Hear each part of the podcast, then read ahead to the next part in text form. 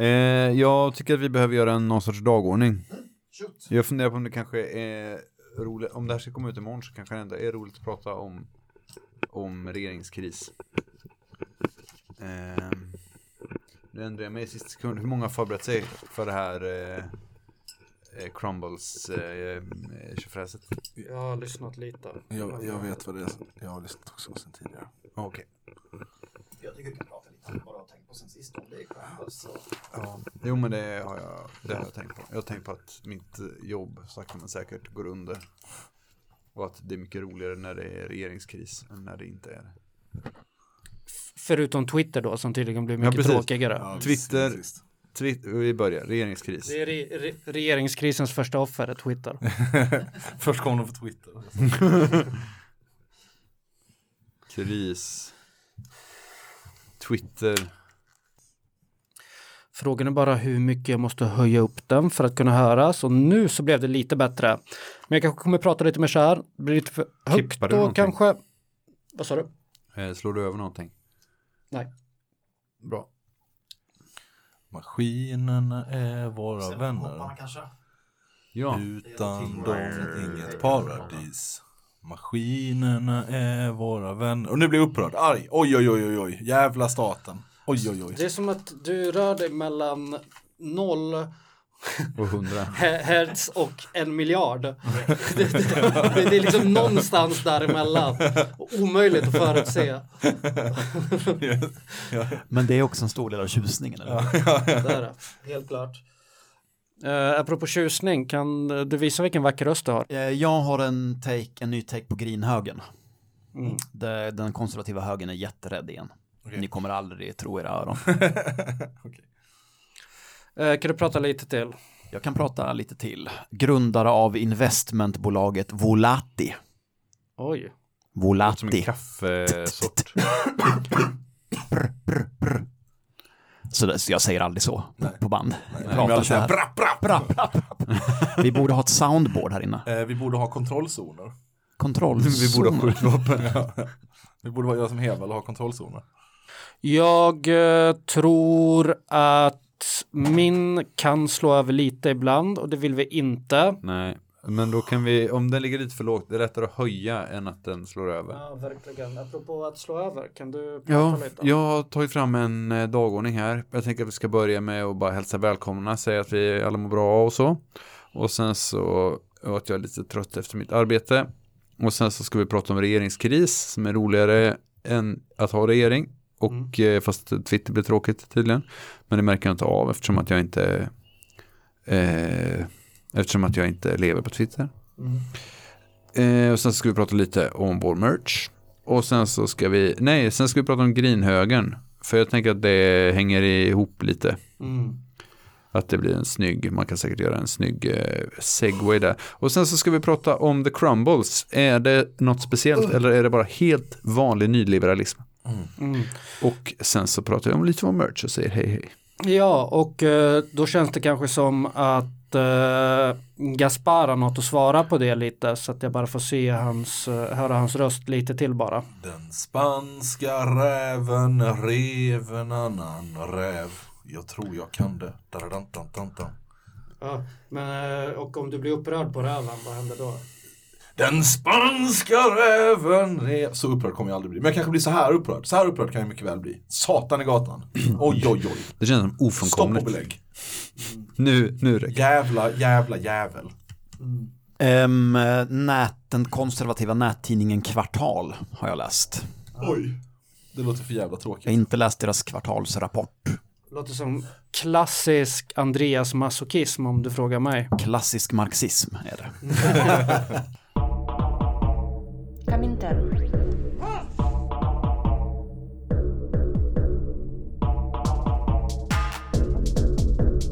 Berätta inte för mig om det svenska klassamhället. Jag har sett det. Jag har växt upp i det.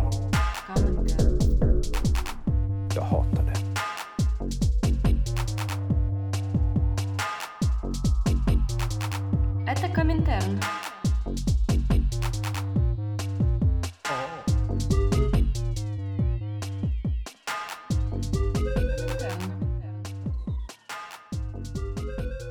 Ja, hej och välkomna till eh, The Tour Show i eh, Kominterns eh, Patreon-feed. Idag är det jag som har eh, eh, bestämt tema. Eh, och sen så hamnade mitt tema sist i den här, i den här podden. Eh, men vi är fulltaliga. Eh, vi är alla här. Så vill ni presentera er? Uh, tja, Ra. Ryan. Ryan. Eh, Baron Harkonnen. Nej, nej, stopp och belägg. Lägg av. Backa bandet. Vad är? Alltså ni är så jävla konservativa. Ni, Men, Okej, men vad, vad, vad sa du att det var? Baron Harkonnen. Jag tror att det är extremt upphovs- upphovsrättsskyddat faktiskt. Va, men eh, det är inte så att vi inte spelar upphovsrättsskyddad musik i varje avsnitt. Det har vi aldrig, det, vi vet inte varför det ligger som musik efter våra avsnitt. Men det hamnar där av någon konstigt skäl. Men vi har inte lagt det där. Nej, och om vi hade gjort det så hade vi betalat STIM. Ja, absolut. Och du kan, få Gaspar är vara, här du kan få vara baron Harkinainen om du, om du vill. efter att vi har spelat in podd. Rotund, giftmästare och pederast. Det beskriver ju, det, finns, det går ju inte att, det är ju jag. Down to a T. Jag tycker det är obehagligt att du beskriver dig själv som pederast. Men jag tror att vi ska klippa lite aggressivt i det här. Det Ja, ja. Inte en jävla chans. Eh, Andreas är också här. När satt vi här alla fyra sist egentligen? Oj, Oh, länge sedan. det kan jag inte minnas faktiskt. Nej, jag minns inte sist. Ingen Patreon-podd va? Nej. Det är skandalöst, det är vad de betalar för. Men det är gött att se er allihopa. Det är mysigt. Älskar att dela andedräkt med er i sådana här små tajta ytor. Det är helt klart månadens höjdpunkt. Ja, eh, Peace Police, eh, Andreas är här också, eller hur? Stämmer, jag är här. Vi har, eh, ja, eh, vi har ju nu ett eh, fantastiskt, eh, eller hade fram till alldeles nyligen, fram till förut idag faktiskt. Det bästa politiska tillståndet, det vill säga regeringskris. Ehm, det har njutit av det faktiskt. Det ledarlösa tillståndet. Det ledarlösa tillståndet, eh, man inser att eh, eh, luften är lite lättare att andas. Det känns bara, man har lite mera liksom klipp i sitt steg när det inte finns någon statsminister. Eh, kan någon berätta, jag har inte hängt med. Har har inte vi haft någon statsminister? Det var sån extrem fest i, Eh, i min familjechattgrupp eh, när, eh, när de sänkte regeringen över marknadshyrorna. Det var det glada tillrop var det. Ja, men det är så här på samma sätt som man kan vara, alltså jag vet inte. Det är så hycklande att vara glad över saker som händer i regeringen. För att det känns hycklande att vara ledsen över att det är saker som händer där. För det spelar ju typ ingen roll ändå. Alltså, inte för att vara sån superpubertal. men eh, jag, jag tror att livet har mening och sånt. Och jag, jag menar inte att säga att allt är meningslöst. Men det känns verkligen helt, alltså att, att Magdalena Andersson som för övrigt är liksom den mest intetsägande personen som finns. Att det är liksom, Ursäkta, men har du sett Per Bolund? Vem är Per Bolund? Eh, per Bolund är Miljöpartiets språkrör. Eh, okej jag vet inte vem Nej, det är. Jag kanske har sett honom. Eh, nej, Nej, nej, okej. förlåt, Ah, ja, okej, men rant. det är hård, okej, just nu är det hård konkurrens på icke-allianssidan om vem som är mest, minst ihågkomlig. Sure, men liksom vad, för jag, jag har inte vetat om att något av det här pågår och mitt liv har sett precis likadant ut. Jag fick reda idag på att vi inte hade haft någon statsminister innan, eller under några dagar. Och jag menar, jag, jag klarar mig helt fine. Ja, men det är väl som i Belgien där de typ inte hade så här regering på sex år eller någonting för att de inte kunde komma överens. Och det gjorde ingen jävla skillnad. Det spelar ingen roll för Belgien. Skithål då, skithål nu, kommer alltid vara ett skithål. Ja, och vi hade ju typ ingen regering i början av 2014 eller där efter valet heller, eller hur? Tog vi skitlång tid. Alltså, Det enda sättet man märker om huruvida, har, huruvida vi har en regering eller inte, det är om jag ler brett eller, eller om jag ler jättebrett. Apropå Belgien och att inte ha någon regering så missade vi ett viktigt spår i vårt Gaddafi-avsnitt. Det belgiska spåret. Inte det belgiska spåret, det schweiziska spåret. Mm, just det. Nämligen att Gaddafi en gång i, inför FN la fram en resolution om ett Europa utan Schweiz. Eftersom han helt korrekt menade att Schweiz är ett företag och inte ett land. och med sig hade han en Europakarta där Schweiz är uppdelat mellan andra nationer. Det, jag läste precis en Wikipedia-artikel. Det sitter alltså för tillfället ett parti i Europaparlamentet på två platser som har i sin, eh, i sitt pro- program att bedriva angreppskrig mot Liechtenstein. Eh, Det tycker jag är en, det är en spännande Korrekt linje. kråkvinkel. Ja, Vart ligger Liechtenstein? Ja, det gränsar till Tyskland och lite andra skitländer. tror jag. Också essentiellt ett företag. Nej men det är regeringskris. Magdalena Andersson, vår första kvinnliga statsminister. Mm, nu för andra gången. För andra gången dessutom. Så nu har vi haft två. Alltså, så att nu kan, jag känner faktiskt att det kanske var lite häftigt första gången, men nu den här andra gången så känns det inte så häftigt längre. Nyhetens behag över. Ja, Jag såg eh, klipp ifrån eh, när hon valdes, röstades fram. Eh, jag skulle säga att jublet var ännu större andra gången. Och jag tror att det beror på att alla riksdagsledamöterna nu var medvetna om hur enormt stor räckvidd de bilderna får. Mm. Det var någon moderat kärring som häcklades till exempel för att hon såg sur ut när Magdalena Andersson valdes. Man vill inte vara den som ser minst glad ut den här gången. Är det som, du vet, som, som den Stalin-historien, att den som bara slutar klappa först hamnar i Gulag. Så applåderna fortsätter i timtal efter att han har sagt någonting. Exakt som stämning. Kakabave står fortfarande och applåderar. Ja, är alltså så här, man märker att det är sån jävla låtsas, det är sån, det är sån jävla hittepåpolitik. Och problemet är att den här hittepåpolitiken får ju stora konsekvenser för våra liv liksom. Inte i det att, eh, att eh, huruvida vi har en, en kvinnlig statsminister eller, eller inte utan att så här, ja, kommer vi kunna bo kvar överhuvudtaget i våra ställen där vi bor liksom. Kommer vi ha marknadshyror? Kommer vi ha liksom Kommer vi, kommer vi införa någon sorts eh, så, Återvandringsenhet som gör uppsökande verksamhet. Sparkar in dörrar och släpar ut folk i natten. ja förmodligen. typ polisen. Typ polisen, ja, men det är precis eh, det, ja.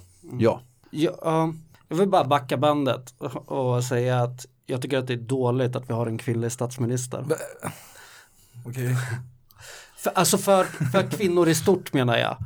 Att, att kvinnor har hittills inte behövt så impliceras i att styra, styr, styra Sverige mot en nyliberal riktning. Men nu så har kvinnosläktet helt plötsligt blivit en del av det haveriet. Och jag, jag tycker det är dåligt. Men Mona Sahlin har väl hållit på med det sedan tidigare? Men Mona Sahlin, hon, hon fick av, hon köpte Toblerone. Hon avgick ju direkt. Var det Mona Sahlin som köpte Toblerone? Ja, exakt. Alltså hon avgick ju. Tänk vad sjukt då. Tänk vad sjukt att, att nu, kan man, nu kan man liksom så, eh, eh, jag vet inte, sprida bilder på förintelsen och vara så nice och, och vara toppmoderat politiker. Mm. Men på 90-talet så fick man avgå om man, om man snattade en Toblerone. Alltså om man var tjej. Om man är kvinna. Ja, precis. Kanske får man inte vara för förintelsen som kvinna heller. Nej, precis. Så det, det är en feministisk position jag tar, bara så att ni vet. Den är inte misogyn. jag har försökt eh, övertala folk om att jag är en ödla egentligen.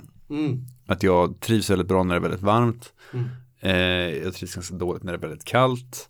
Jag fungerar liksom bättre när det är varmt för jag har liksom inte riktigt någon förmåga att eh, eh, hålla uppe min egen kroppstemperatur. Jag kan inte generera värme själv. Mm. Utan det måste komma utifrån. Lukta med tungan. Jag, luk jag luktar också med tungan. Och jag är, väldigt, jag är väldigt besviken och ledsen på Ebba Busch Thor eftersom hon inte bjöd in mig till det här mötet där vi skulle bestämma över världen. Vilket Så- möte då? Nej men ödlemänniskomötet.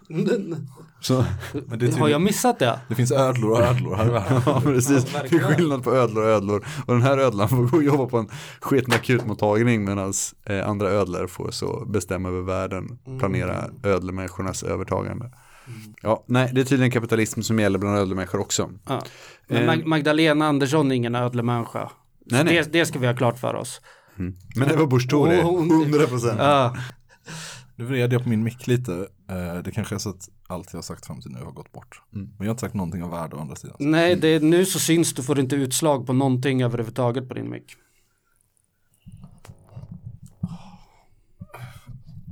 Så när jag vred den rätt och satte Nu. den fram så slutar den funka? Är det det du sitter och säger Nu, till nu mig? låter det. Nu låter det. jävlar. Nu händer det saker där. Ja.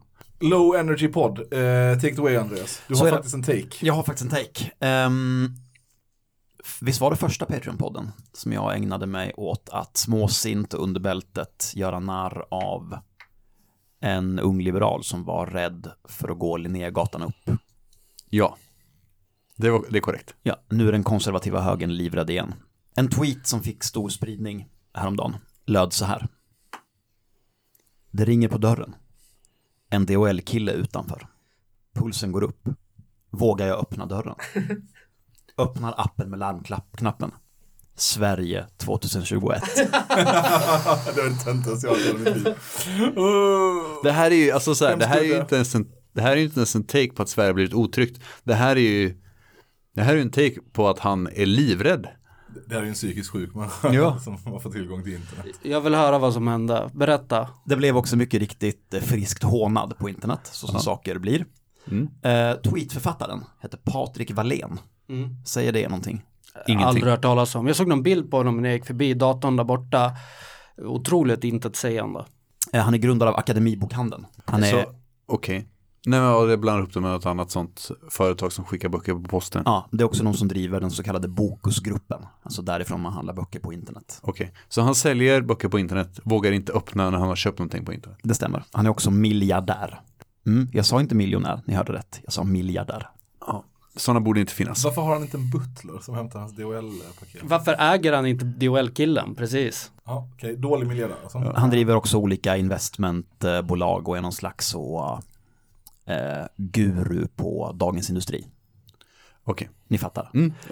Han är också var en av eh, grundinvesterarna i den konservativa nättidningen Kvartal. Som jag aldrig har hört talas om. Deras eh, take är så här, hårdare tag hela tiden, överallt. Vi är inte bulletin. De är inte bulletin, nej, jag tror inte att de Det är är, deras catchphrase. det är väl lite det, de är den anständiga, rädda konservativa högern. Okej. Det här har jag aldrig hört om. Jag har Men- aldrig hört om det. Kvartal grundades väl av Paulina Neuding som också grundade Bulletin sen, så det Ah. finns ju. Men det är inte henne vi ska prata om idag, vi ska prata om Patrik Wallén. Eh, Patrik Wallén tweetade att han var väldigt, väldigt rädd när det ringde på dörren. Han blev hånad på internet, vilket föranledde en ledare i Expressen. Skrivet av en Patrik Kronqvist. Eh, som ser ut som, som två barn i en för stor kostym. Patrik kommer till Patriks undsättning. Patrik tycker inte att det är roligt att håna Patrik.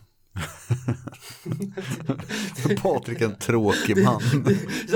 alla, alla barndomsmobbningsminnen kom upp till ytan direkt. Headshotsligan. Så kallas det kriminella nätverk som polisen slog till mot i fredags efter en biljakt i centrala Stockholm. Flera av de gripna var klädda i DHL-kläder och tros ha varit på väg för att utföra ett rån mot en näringslivshöjdare. Patrik Wallén, grundare av investmentbolaget Volati, beskrev dagen därpå på Twitter hur händelsen påverkade honom personligen. Det var det som föranledde den här störtlöjliga tweeten. Och Patrik Wallén är inte ensam om att vara rädd. För två år sedan vittnade flera personer ur finanseliten anonymt i Dagens Industri om hur de fallit offer för råbarkade rånare. Oj!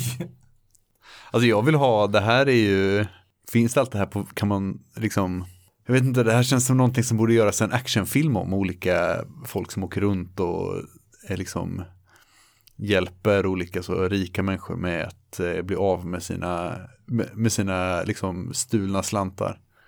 Vad vad heter den? Eh, Fun, funny Games? Ja, nej jag tänker att det finns en, det finns en Funny Games är, är filmatiseringen av det här, 100%. jag tänker att det finns en gammal Disney-film från 70-talet som är- med en räv som eh, handlar om det här. Ah. Patriks försvarstal för Patrik fortsätter så här. Rånen drabbar familjer med mycket dyra bilar. I Bromma blev en familj bundna i sitt hem av beväpnade rånare som sedan försvann med deras bil. Förmögna personer kan visserligen köpa avancerade säkerhetstjänster som boende i segregerade förorter bara kan drömma om. Men deras pengar gör dem samtidigt väldigt utsatta. Men flytta till en jävla ö då, du har pengar. Vad fan gör de här människorna med sina pengar? Om jag hade varit så rik, jag hade bara tagit mitt pick och pack, åkt till en ö med sol året runt, utvecklat en, en hanterbar form av alkoholism, kanske något, något drogberoende, jag vet inte, men jag skulle leva som en jävla kung. Inte sitta ute i fucking Bromma och vara rädd för DHL män. Men liksom. istället blir man, istället blir man sån, eh, nu minns jag inte vad han heter, men eh, en bok som heter Jämställdhetsanden som kom för eh, ett gäng år sedan. Som min far var väldigt entusiastisk över. Den, tesen i den boken är i alla fall att i eh, samhällen med stora klasskillnader så blir all, mår alla sämre, inte bara de som eh, är fattiga, utan även de rika mår sämre. Det här har vi ett perfekt eh, liksom, exempel. Patrik Wallén, det stora offret för klassamhället. Jajamän, jajamän. Dåden är ofta välplanerade. Fordonsinnehav och inkomstuppgifter är nu för tiden lätta att söka upp på nätet. Vadå nu för tiden? Det har alltid varit. Dumbass. En man som rånat på sin klocka berättar i Dagens Industri att han har åtminstone tio vänner som råkat ut för samma sak. Det är ju lögn till att börja med. Ja, Han har inte tid. man behöver inte gå runt med guldpläterad jävla typ sånt, sånt, sånt schweizerur. Och förra sommaren pågick en rånvåg i Djursholm, där Patrik Wallén råkar bo. Vad definierar en rånvåg egentligen? Eller vad definierar en våg? Pågår det en rånvåg mot de boende i Djursholm? Alltså, jag, jag tror ju inte det, men jag hoppas fan det. Och jag hoppas att Jag det hoppas snart blir alltså. en äh, misshandelsvåg. Alltså, det, jag tycker det är fel med våld, men jag vet inte, alltså jag tycker, alltså jag skulle ju aldrig säga att det är okej med våld, men om det skulle vara en sån våg av våld som pågick där, så skulle jag kanske säga, jaha, okej. Jag skulle också säga så här att man blir, man blir inte så rik utan att använda en försvarlig mängd våld. Det kanske inte är så att man, man, man går hem med en sån eh, brännbollsträ med slagna spikar igenom och slår sina anställda i ansiktet med den. Men det ekonomiska våldet som man utövar är påtagligt. Ja, det är lustigt att de här människorna blir så himla upprörda över stöld när lönestöld, det vill säga att inte betala ut sina anställdas löner, är utan tvekan den största formen, vanligaste formen av stöld som också tar mest pengar i fickorna på mest människor. Och så man skulle ju kunna bli upprörd över att människorna på Djursholm utsätter oss, alla andra jävla vanliga människor, för en konstant jävla rånvåg. Och det har pågått sen pyramiderna byggdes. Det är nästan som att man blir sugen på att gå med i en grupp människor vars, vars svurna mål är att förändra det. Alltså det, det är ju helt klart en slags form av omfördelningspolitik att, eh, att råna rika. Det är det ju. Helt klart. Och kanske är det olustigt om man bor i Djursholm, men rör det sig verkligen om en våg? Man skulle väl kanske kunna säga att det pågår en våldsvåg av och mot ungdomar i svenska förorter. Ja.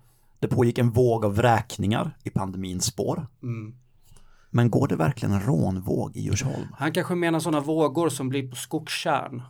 När det blåser till. En liten krusning. En krusning. Det är en rånkrusning som pågår i Djursholm. Det, det är ju tekniskt sett en våg. Men eh, jag tycker det är fantastiskt roligt när de håller på så här. För det är klart att de också måste få känna sig liksom. Det är klart som fan att de känner sig otrygga med alla de jävla pengarna. Alltså jag menar, ifall man kollar på typ så här, vad heter det, folkhistorier med typ drakar och troll. De är paranoida som fan. De sover på sina skatter. De gör liksom så här stora sängar av guld som de ligger på. Och det värsta som kan hända dem i deras liksom värld är att det dyker upp någon riddare och tar det ifrån dem. Det är liksom, det här är inget, det här som de ger uttryck för är liksom gammalt som pengar. Skulle det kunna vara Patrik Walléns dåliga samvete som plågar honom varje gång han ser någon i arbetskläder? Absolut. Nej, det, det tror jag absolut inte. Eller är det vetskapen om oförrätter som han har gjort mot de här människornas... eh, Mm. Ja, alltså det, när, när han ser en, en DHL-person så måste han ju veta, ah, en avsevärd del av min rikedom är baserad på att jag har stulit från den här människan och ja, människor som är som den människan.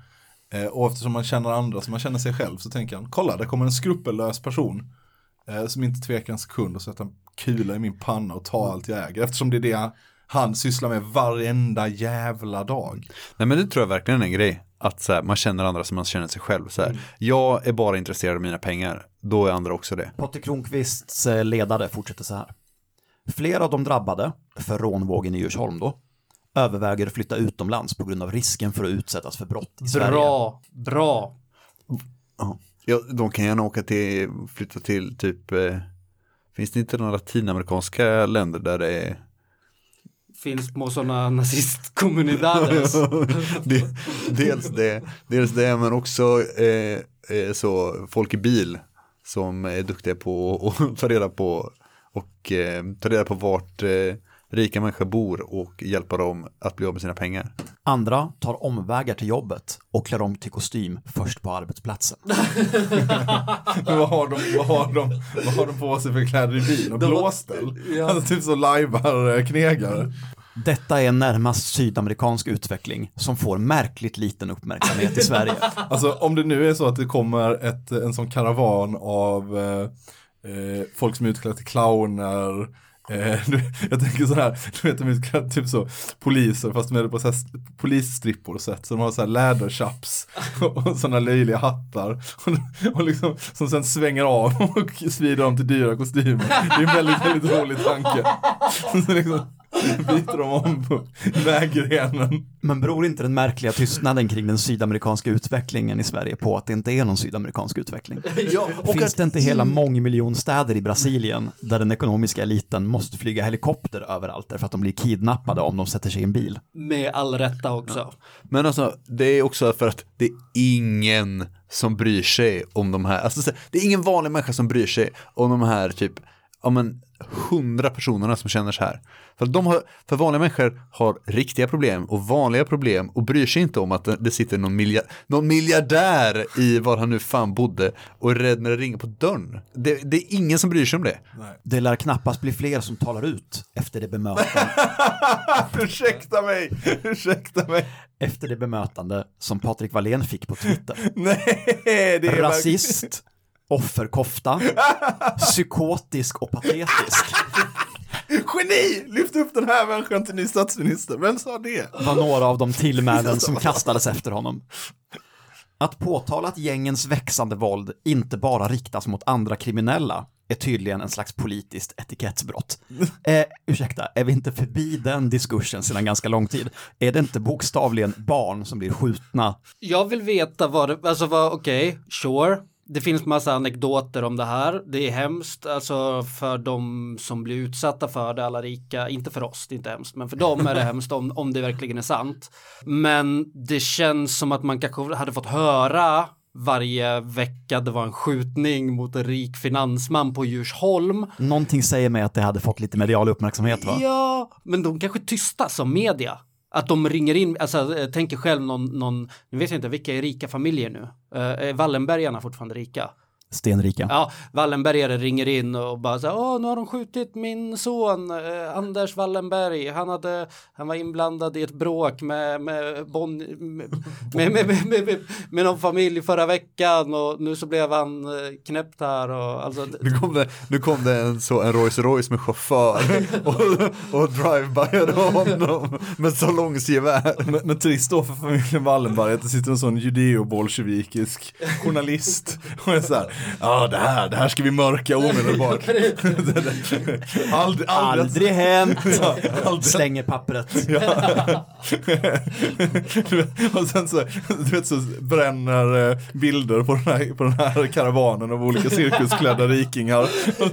Och så är de inne på toaletten och så går till chefredaktören. Nej, nej, nej, nej, det är lugnt, det är lugnt där ute. Eh, här kommer Patrik, Patrik Kronqvists mest gigantiska galaxhjärnetake. Mm. Är ni redo? Ja. Okej, jag håller i mig. Gissningsvis skulle de här personerna inte driva med kvinnors rädsla för att möta en man i en mörk gångtunnel efter ett våldtäktsförsök. Åh, det är som ett Nej. knytnävsslag i magen. Nej, det stämmer. Nu har ju Patrik Wallén själv aktivt varit med och skapat avgrundsdjupa klassklyftor i det här landet och bosatt sig i ett segregerat överklassgetto.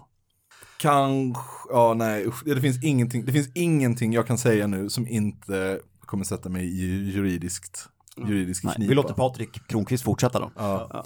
När en vit, rik, medelålders företagare har modet att erkänna... Jag orkar inte, jag måste ta en paus. När han har modet, Gaspar, att erkänna att han blivit lite rädd. Vad fan, för, förlåt, vad fan är problemet? De kan ta privata karatelektioner. Låt dem fortsätta, jag vill höra den slutar. Dagen efter ett allvarligt rånförsök behandlas det plötsligt som ett skämt. Vänsterns höhöande i den här frågan är faktiskt skamlig. Det är för mycket. Ska det fortsätta så här? Ska svensk höger vara så här jävla bölig? Då kommer en lyssnare behöva skicka in en jingel till det här stående segmentet. Grinhögen, at it again. Okej, okej, okay, det här, nu så, tävlingen är utsatt. Eh, ska vi, det blir en mugg till dig som skickar in, det blir fan en mugg till dig som skickar in den bästa grinhögen Oh. Jag, jag förstår verkligen, alltså kolla det finns flera saker. Om jag hade varit rik så hade jag till exempel, jag hade haft hur mycket vapen som helst hemma, inte ett enda registrerat. För jag hade inte behövt, för ingen jävel hade kommit och gjort den saken hos mig ändå. Eh, jag skulle kunna eh, eh jujutsu, karate, boxning, eh, har thai-boxning, Wayne. krav maga, allting för att jag skulle ha liksom, det skulle stå sådana instruktörer utanför på kö för att komma in och få undervisa mig medan jag sitter som Neo där inne och bara I know kung fu now. Jag hade haft ett stall, ett stall av konstant, eh, konstant eh, anställda eh, giftmördare. Som bara strök runt med, såna, med kaststjärnor och doppade i, i sånt svart mamba-gift. Och så fort någon misshagade mig så hade jag bara vinkat så här och sen så hade det bara stopp! Så det, alltså rika människor har ingen förståelse för vad det betyder och vad det kan betyda att vara rik. Nej, de fattar ju inte. Alltså, allt, alltså de, de ser ju inte att pengar öppnar upp för att ha kul. De, ser, det- de, de behandlar det som att de liksom är så här, någon slags form av så här förvaltare av världens ve och, och, och väl liksom. Och de måste ha de här pengarna och den här bördan för att liksom kunna driva samhällsutvecklingen framåt. De är sådana jävla martyrer.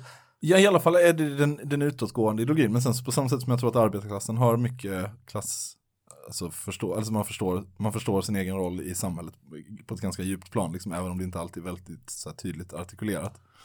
Så tror jag att eh, överklassen också har jättetydligt klassförståelse. Liksom. Ja, de absolut. vet att de är parasiter och de vet också att, vi, att man, hade, de hade kunnat, man hade kunnat göra sig av med dem när som helst. Mm, Okej, det håller inte jag med om. Jag tror att det är svårt att, eh, jag, jag tror definitivt att de kanske kan känna det på något plan. Men jag tror liksom en del av att vara, eh, att vara en dålig människa är att förneka, att förneka de dåliga sidor man har. Och att man liksom skapar en, en så här, och har en väldigt så här sofistikerad ideologi som är med och döljer den här ondskan. Och som, jag tror inte de ser sig som onda. De kanske känner det på något undermedvetet plan. Men jag måste ändå ställa samma fråga som jag ställde i vårt första Patreon-avsnitt. Där vi talade om uh, uh, ungliberalen Frans som inte törs vistas utanför Burger King på Järntorget i Göteborg. Eh, För Patrik Wallén är ju stenrik, men han tillhör ju också en konservativ hårdare tagströmning rent politiskt. Som tjänar jätte- jättemycket på att piska upp rädsla och paranoia i samhället. Är Patrik så här rädd på riktigt, eller är det bara ett spel för gallerierna? Det är också en jingel. Eh, dum eller ond? Ba, ba, ba, ba, ba, ba. Dum eller ond? Ba, ba, ba, ba, ba, ba. Det går säkert hand i hand. Alltså det, det kanske inte finns någon motsättning utan han kanske bara, ja men jag kanske måste eh, skruva upp det här lite nu för att folk ska förstå. Han kanske till och med kom på när han inte var rädd för, vad heter det, DHL-mannen eller budet. DHL-ligan. Eh, De kommer att leverera. han kom bara på det och så bara kom han på typ efteråt bara, åh men shit, tänk om det hade hänt mig någonting. Åh, då hade jag varit rädd. Och så skriver han det så här liksom.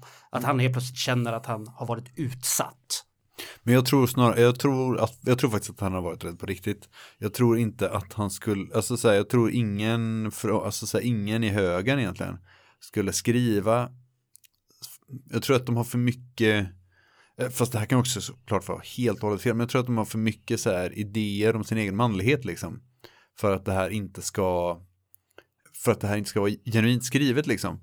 Och om man skulle vara så här, jag måste piska upp en hårdare stämning, då hade man varit så här, min fru blev rånad eller typ min dotter blev rånad eller något sånt liksom. Att man hade jag tror att det hade varit lättare att bara finnas kvar i den här i den här liksom eh, machonormen liksom. För när, när en när en stenrik så medelålders man är rädd när det ringer på dörren det är ingen som tycker att det är att, att det är hemskt liksom eller det är ingen som tar det på allvar så antingen så har man väldigt dålig förståelse för liksom eh, sin egen rörelse och typ vilka strömningar man kan tilltala eller eh, så är man helt enkelt genuin.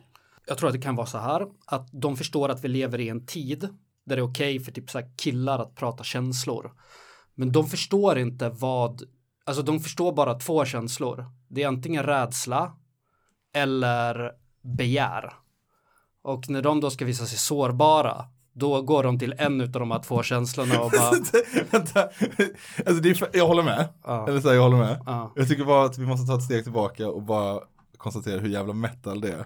Ja. Att vi har Rika människor kan bara känna rädsla och begär. Det är deras enda Men känsla. allting annat är abstraktioner utav det. Nej men det är så här, de missförstår det. Det är så här, eh, ja men nu för tiden uh, killar ska öppna upp, prata känslor. Det finns liksom saker att vinna på att vara sårbar. Och då menar jag liksom socialt och relationsmässigt. Att, att man blir en, en, man kan bli en bättre människa av att dela med sig av sitt inre. Just det, men om man har ett helt genomruttet svart kadaverlikt inre som bara är så här en, eh, Mm. ett mal, en malström av ondska och, och då Ja, blir det inte så fint. Eh, Exakt, för de visar ju sig sårbara på fel sätt. Ja, ja, men det, är ja, men det är intressant att säga, det är en intressant spaning för att det är ju som vi talade om tidigare flera borgerliga ledarskribenter som har försökt göra den här feministiska tagningen på rädsla. Mm. Alltså att eh, ni vill ju att killar ska prata om känslor. Mm. Och så handlar det i själva verket om att eh, Frans har sett en eh, tonåring med aningen mer pigment i huden än han har på Järntorget. Och, och, och då vill han gärna bli bekräftad i att han är en modig kille som befinner sig där och som vågar berätta att han är rädd. Ja. Framförallt när det körs Voi i hög hastighet omkring honom. Men alltså okej, det är okej att vara rädd. Men men det är inte okej att vara miljardär. nej, nej exakt. Och det är inte okej att vara rädd och miljardär av fler än bara skälet av att, ja ja men fuck it, det är klart du ska vara rädd. Det är att man inte har någon anledning att vara rädd när man är så jävla rik. Det finns inte ett skäl i världen till att känna rädsla. Nej, alltså, och grejen är så här, det, det är ju klart, men, men, men vad, är, vad, är, vad, är, vad är rimliga saker att vara rädd för? Jag är rädd för att eh, bli allvarligt sjuk, för att eh, då vet inte jag, om jag inte kan jobba så kommer jag ju svälta ihjäl. Eller du vet så här, sådana Jag saker. vet inte om du har noterat det, men det går ju en våg av allvarlig sjukdom precis. Det är en ganska stor grej i samhället för tillfället att bli allvarligt sjuk. Det går också en våg av människor som blir utförsäkrade, vräkta, hemlösa, arbetslösa. Det är liksom saker som faktiskt händer människor. Eh, Jag vill också prata om att så här, är den här taken att så här, jag vill kunna prata om min rädsla eller så här, det, man ska kunna prata om sin rädsla från borgerligt håll, är den riktad mot borgerligheten? Är det liksom, är det liksom de bara har, mm, bara, nu kan SD prata om att vi är offer typ? Och tagit någon sorts skev så SD-logik? Eller är den riktad till en typ sociali- eller, till en feministisk liberal strömning? Vem är den riktad mot? Är den riktad mot identitetspolitik eller är den riktad mot fascistisk identitetspolitik? Det, det är en intressant fråga för att det här, den här, vad heter det, den här grejen att det går en extremt rik man omkring på Djursholm eller vart fan det nu är och är rädd är ju väldigt absurd. Alltså och det den är, gör mig nästan lika glad som regeringskrisen Ja, faktiskt. och den är liksom så absurd till den grad att det känns som att den kanske bara riktar sig till, alltså att den, den, den riktar sig inte till någon särskild. För att det är liksom, alltså ve- vem skulle kunna ta det på allvar? Nej, jag tror att den riktar sig, att Patrik Wallén riktar sig till någon slags väldigt skyddad medelklass som faktiskt har kunnat leva i tro nu om att, och jag citerar den andra Patriks krönika då, ledartext, de kriminellas våld hittills bara har drabbat andra kriminella. Och med det så menar de att bruna människors våld bara drabbar andra bruna människors, för de är ju det samma sak. Och för de människorna då som lever väldigt, väldigt långt ifrån våldet i förorten så blir det plötsligt väldigt stort att det nu har kommit till Djursholm. Men- För vad kommer då härnäst? Örgryte? Men vad, vad är det som har kommit till Djursholm? Nej men vad som har hänt, om det här överhuvudtaget har hänt så är det ju för att det, det är så här, folk, de har varit ute på krogen, snortat satans massa cola, supit som svin, tafsat, hotat folk på, i, i barkön, eh, alltså i barkön, eh, varit otrevliga, kräkts i kors, sparkat sönder cyklar och varit så här, "Ah, vi är så jävla rika, vi kommer undan med vad som helst. Och sen är det någon som har tröttnat till slut och sagt, håll ner käften, sitt ner, ge mig klockan. Och så- hällt en öl i ansiktet på dem liksom. Och det blir ju jätte, jätte, jättejobbigt när en sån eh, Kato eh, livvakt inte kan kasta en kaststjärna i ögat på den människan omedelbart. Antagligen för att man har spottat den stackars människan i ansiktet så många gånger att han typ har ledsnat och gått därifrån. Och alla vet ju att det är så här. Men, men och det är därför det, är därför det här är anonyma. Alltså så, alltså för att det, hade de förklarat vad som faktiskt hände så hade ju folk blivit förfärade. Var, varför tog ni bara klockan? Varför, varför doppar de inte kära och fjä- fjädrar liksom? Ja, det här är vad jag hade. Jag hade velat tala egentligen om den senaste heta konspirationsteorin som har släppts.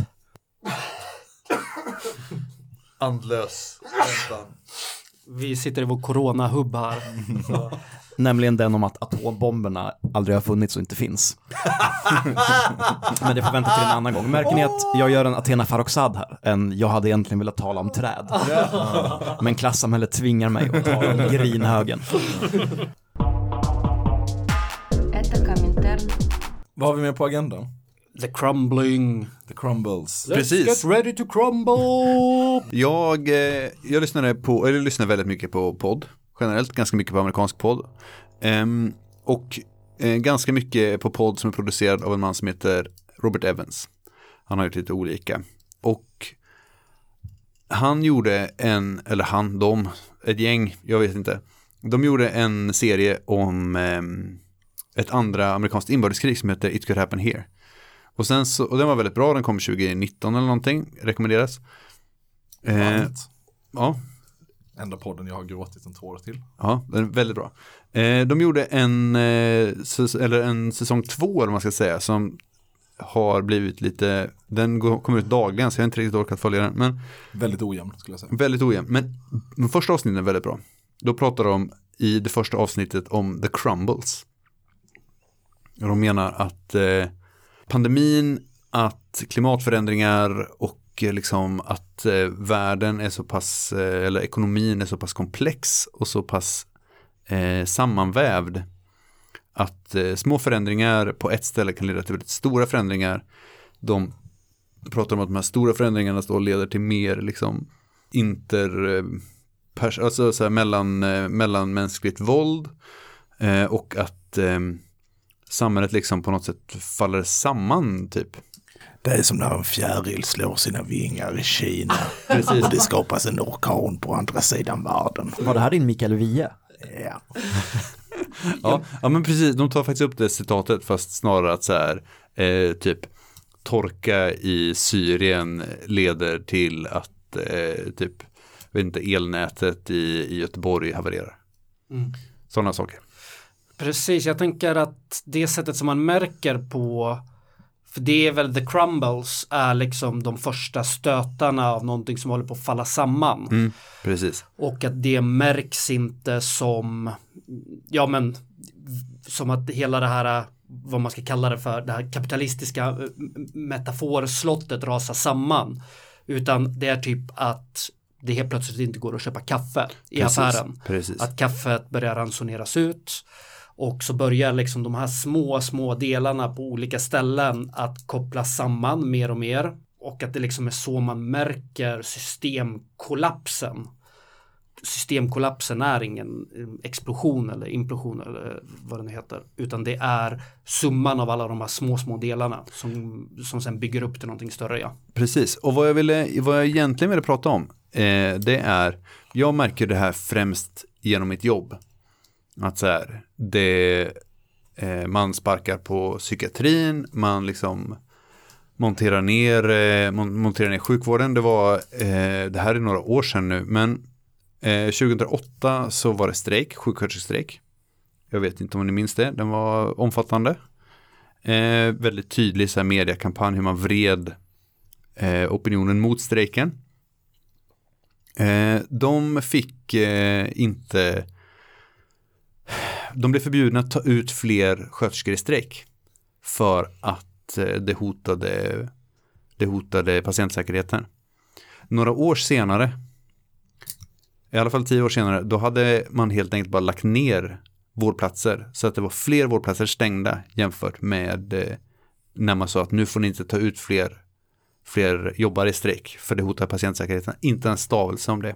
Pandemin har ju varit ett jättetydligt exempel på det här. att så här, Pandemin överbelastar sjukvården för att sjukvården har slimmats ner. Det finns färre, jag tror det finns två och en halv eh, vårdsäng per 10 000 invånare eller något sånt i den vägen.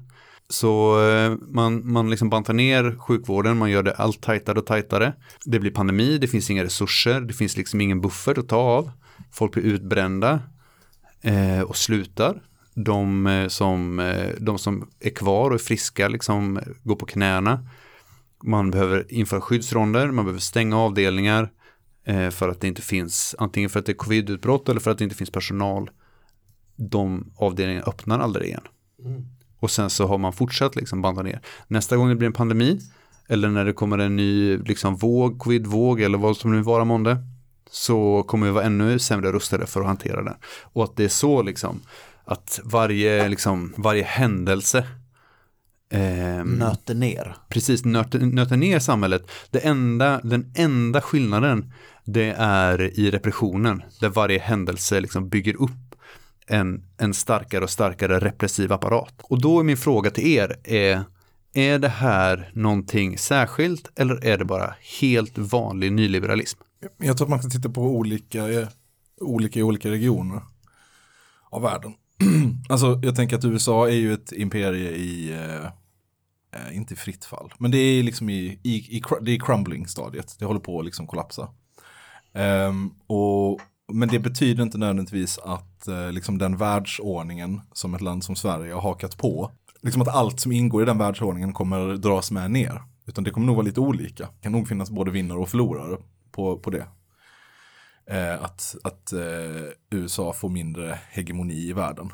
Eh, och, och om man i USA kan se ganska tydligt hur eh, liksom staten tappar mark eh, på sina ställen. Så tycker jag inte den tendensen fick, finns riktigt inom EU-sfären. Eh, I Sverige tycker man kan se tydligt hur staten tappar mark till förmån för kapitalet.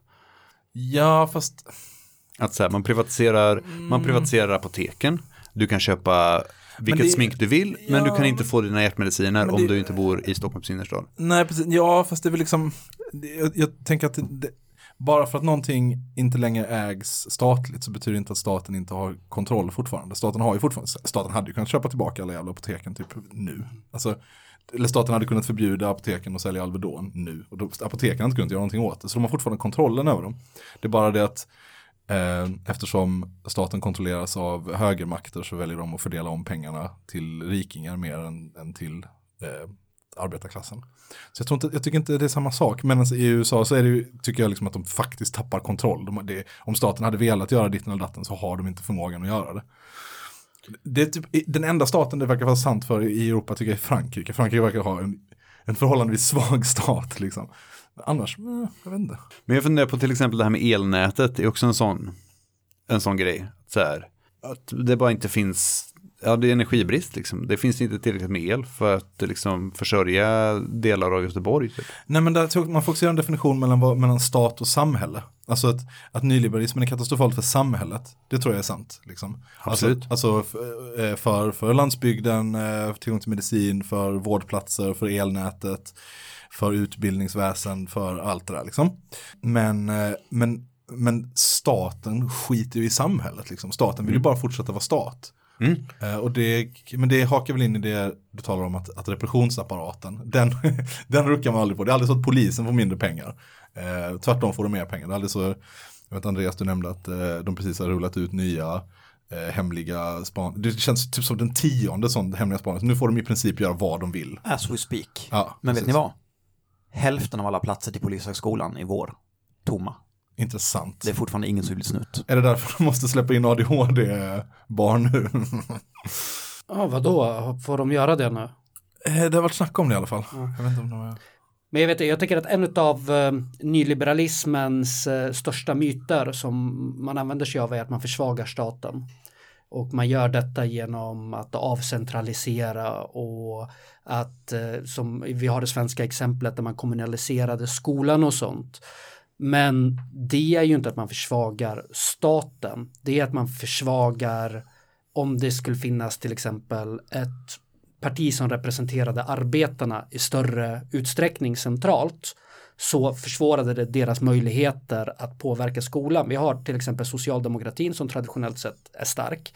Då kommer en socialdemokratisk eh, regering kunna påverka, eh, bestämma över hur skolans resurser fördelas.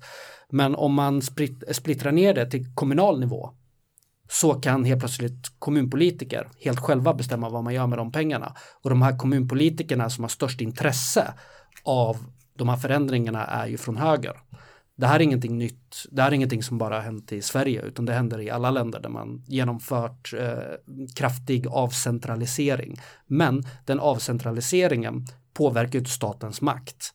Det påverkar bara vissa, vissa grupper att ha kontroll över gemensamma och för man då ska se det som skattepengar. Ja, det påverkar pengaflöden. Ja, det påverkar pengaflöden Ja. helt enkelt. Och, och sen så är det också så att de här kommunpolitikerna, alltså eh, det finns ju ingen tydlig det finns ju ingen tydlig gräns mellan eh, du vet så här, kommunpampar, näringslivspampar och lobbyister. Utan de rör sig ju fram och tillbaka och ut och in ur det här.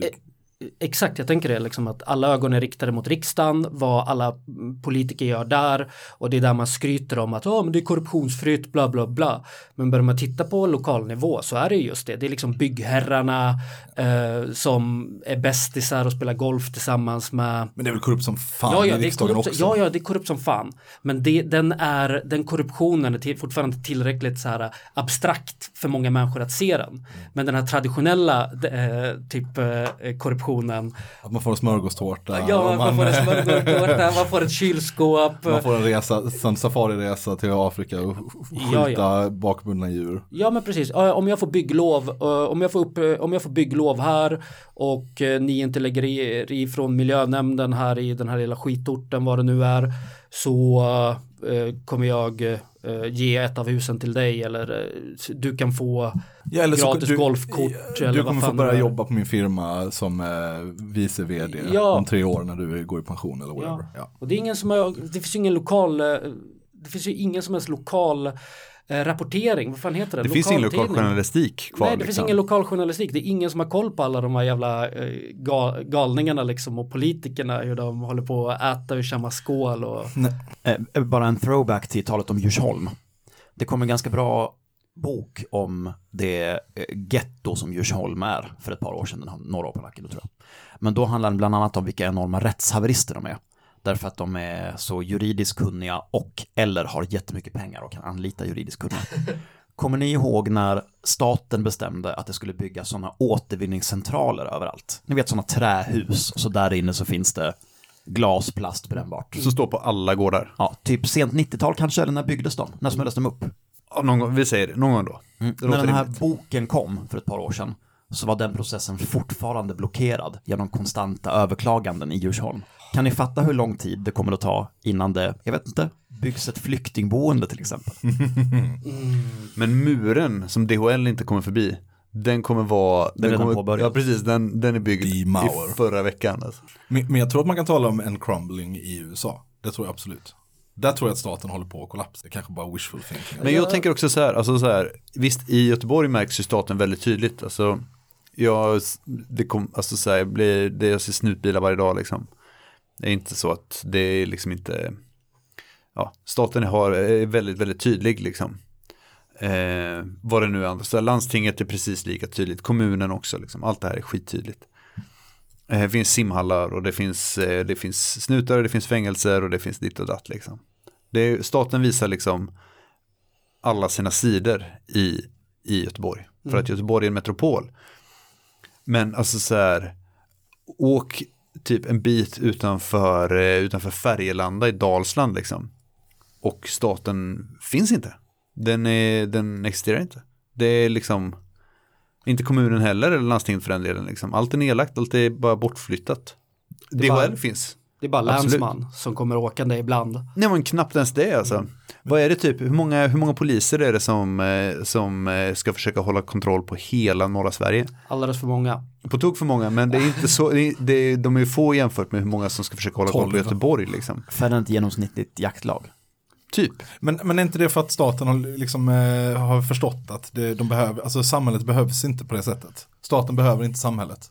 Alltså i en, eh, i, i en situation av hög arbetarmilitans så, så, eh, så kräver ju arbetarna en massa saker och säger om ni inte går med på det här så klår vi upp er. Liksom. Men i en situation där det inte finns hög eh, militans hos arbetarklassen så inser staten ganska snabbt, eh, fan, varför ska vi ha ett postkontor där? Det är, ingen som kommer, det är inte så att de kan göra någonting om vi inte har det där.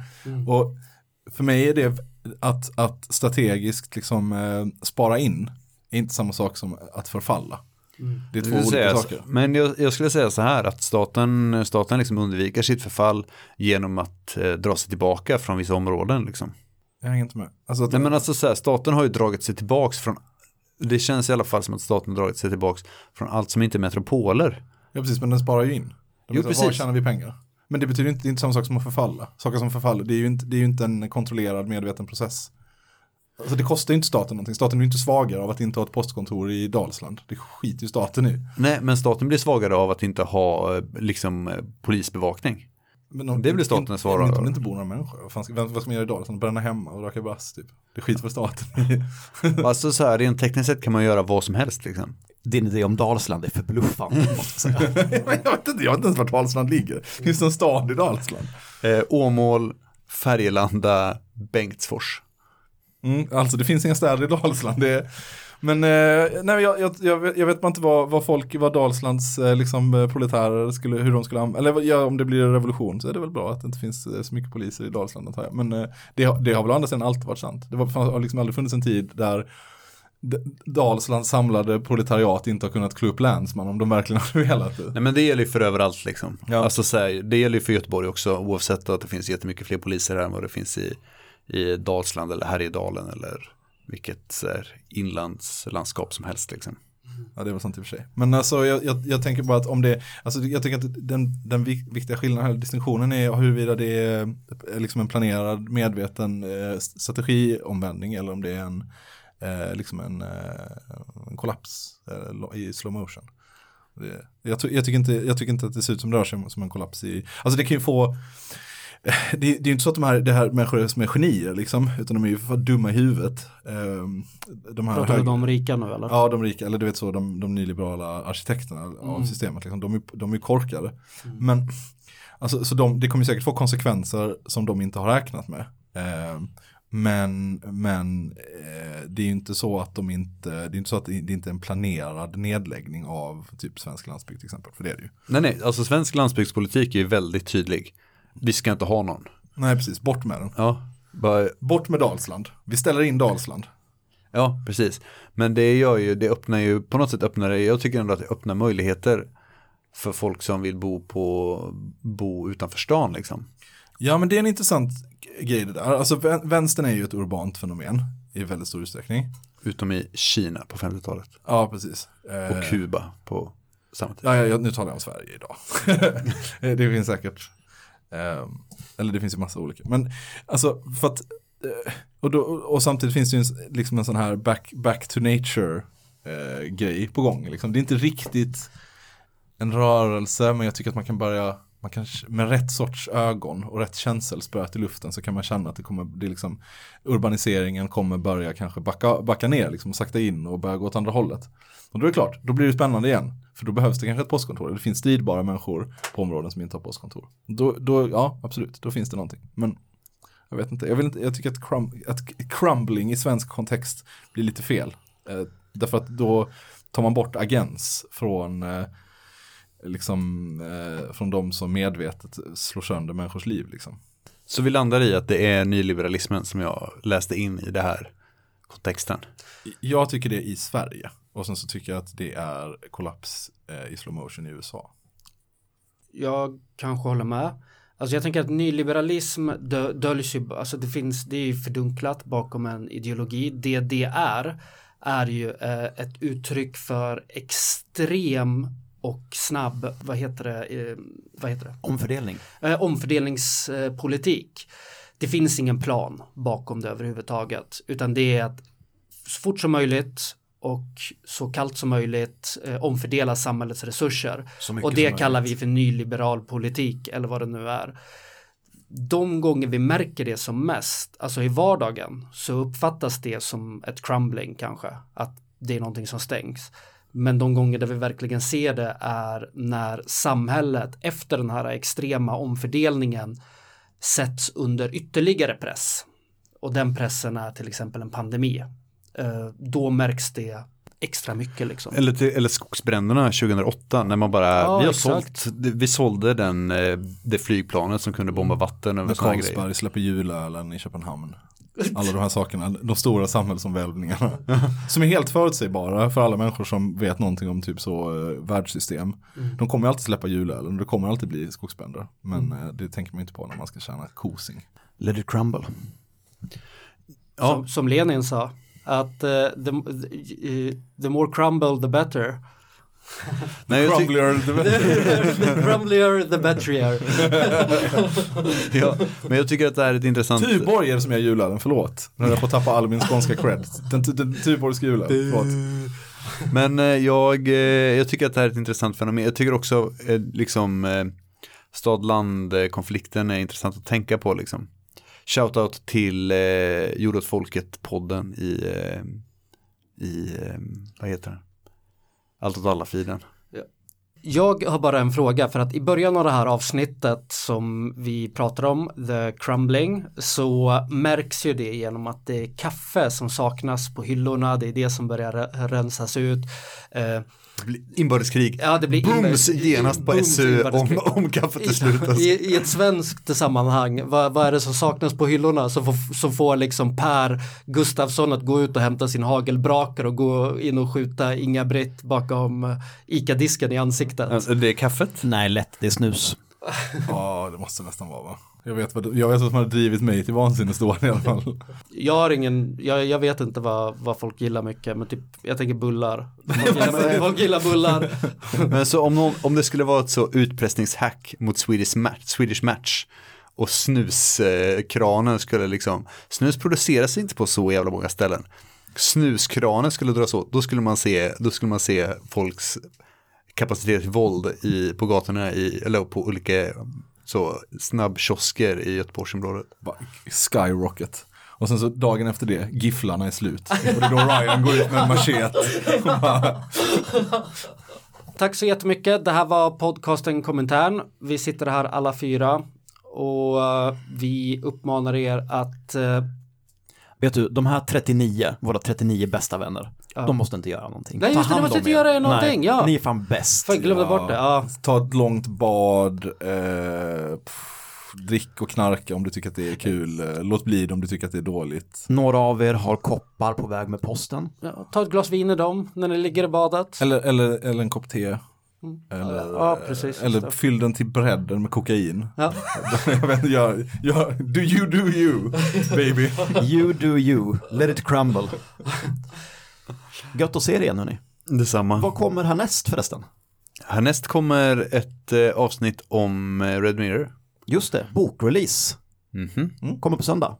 Jag och eh, Tor intervjuar två kamrater från teorikollektivet eh, Red Mirror. Och sen blir det science fiction. Nej, det blir det inte. Sen blir det något annat. Sen blir det science fiction. Det blir reklamkritik. Sven Lindqvist. Och sen blir det science fiction. Kanske kommer en rollspelspodd också någon gång. Vi får se. Ja, runt jul. Kram.